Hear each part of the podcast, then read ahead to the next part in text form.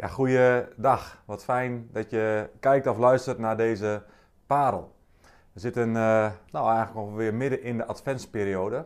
Dus we leven toe naar kerst. En als we aan kerst denken, ja, dan denken we natuurlijk aan de, de geboorte van Jezus. Dan denken we aan Jozef en Maria en het verhaal en een lange reis en een zoektocht naar een plek om te slapen. We denken aan de engelen in de lucht en de herdertjes in het veld. Maar ik wil het vandaag niet hebben over de herdertjes in het veld. Ik wil het vandaag heel graag met je hebben over de enige echte, ware herder. Want Jezus zegt zelf in Johannes 10, vers 10: Ik ben de herder die God zou geven. En hij is de herder niet zoals de slechte herders, maar hij is de goede herder die alles geeft. Jezus is de goede herder. Ik denk dat we dat vaak genoeg hebben kunnen horen als we al een tijdje ook geloven.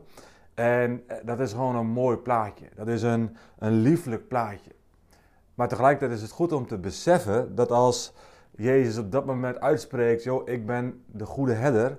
Dat dat helemaal niet zo lieflijk klinkt. Jezus had op dat moment niet een hele fijne, lieve kinderbijbel voorleestoon. Jezus was boos. Jezus was verontwaardigd toen hij dat zei.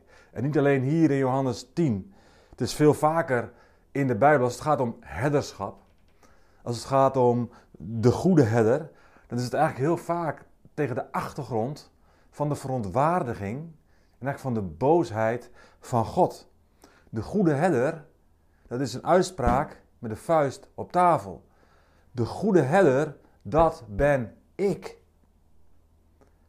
En Jezus, als we even kijken ook naar Johannes 10, dan heeft hij het daar over schapen en herders, over echte herders, maar ook over dieven en rovers. En, daarin klinkt steeds die tegenstelling. Het gaat over de goede herder tegenover de dief en de rover. Het gaat over de goede herder tegenover de huurling. En vooral de laatste, die huurling, daar is Jezus ook fel op.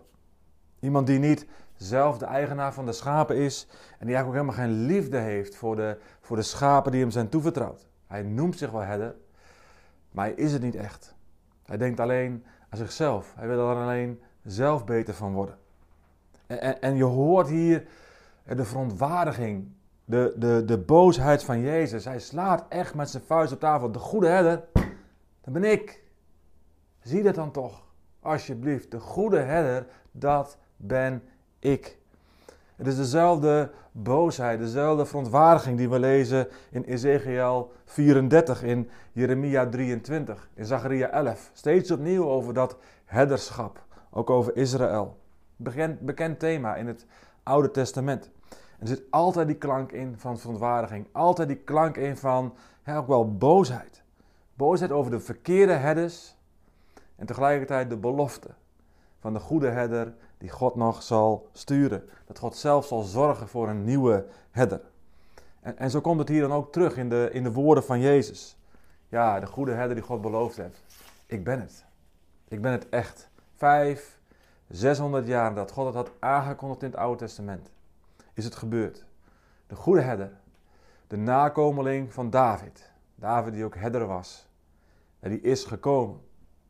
En tegelijkertijd is daar dan ook de verontwaardiging de boosheid. En dat is altijd iets om op te reflecteren, ook ikzelf. Als daar de boosheid in zit, wat gaan jullie toch verkeerd om met de kudde van God?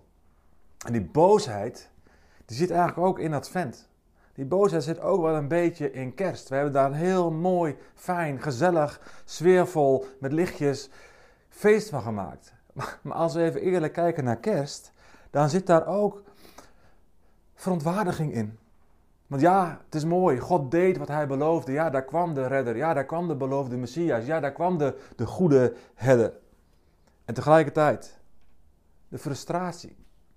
De verontwaardiging dat het nodig was. Dat God zo moest ingrijpen. Dat het niet anders kon dat hij zelf mens moest worden in zijn zoon Jezus.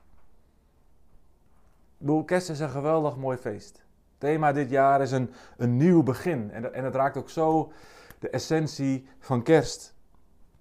En tegelijkertijd is kerst ook een, een verwijt aan ons mensen. Ik denk niet dat we vaak zo kijken naar kerst.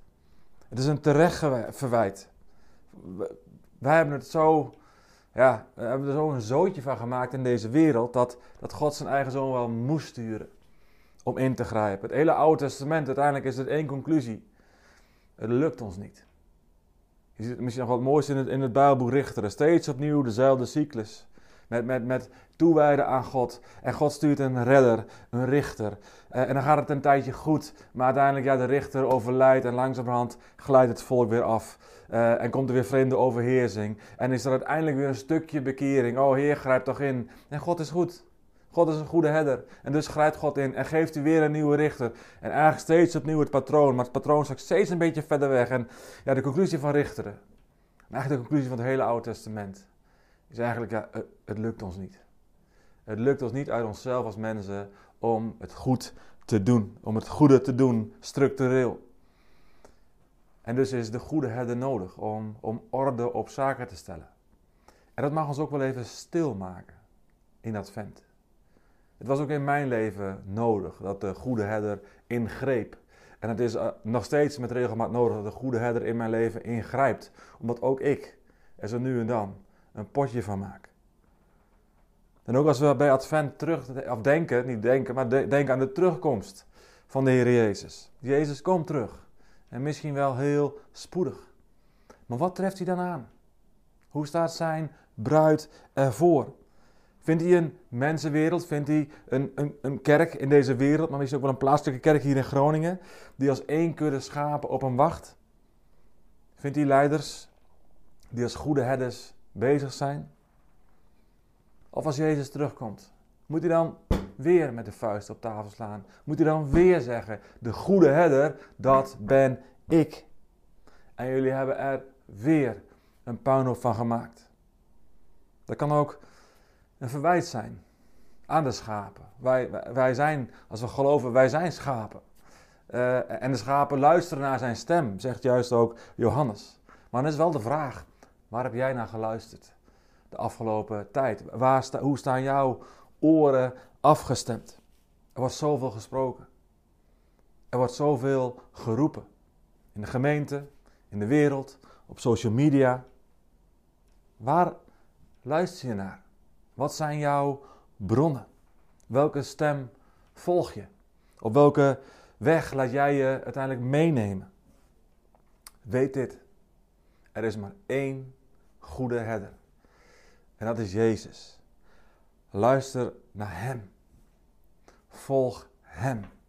Volg Hem met alles wat in je is en doe je uiterste best om Zijn stem te verstaan en Zijn stem te volgen. God zegen je daarin. Amen.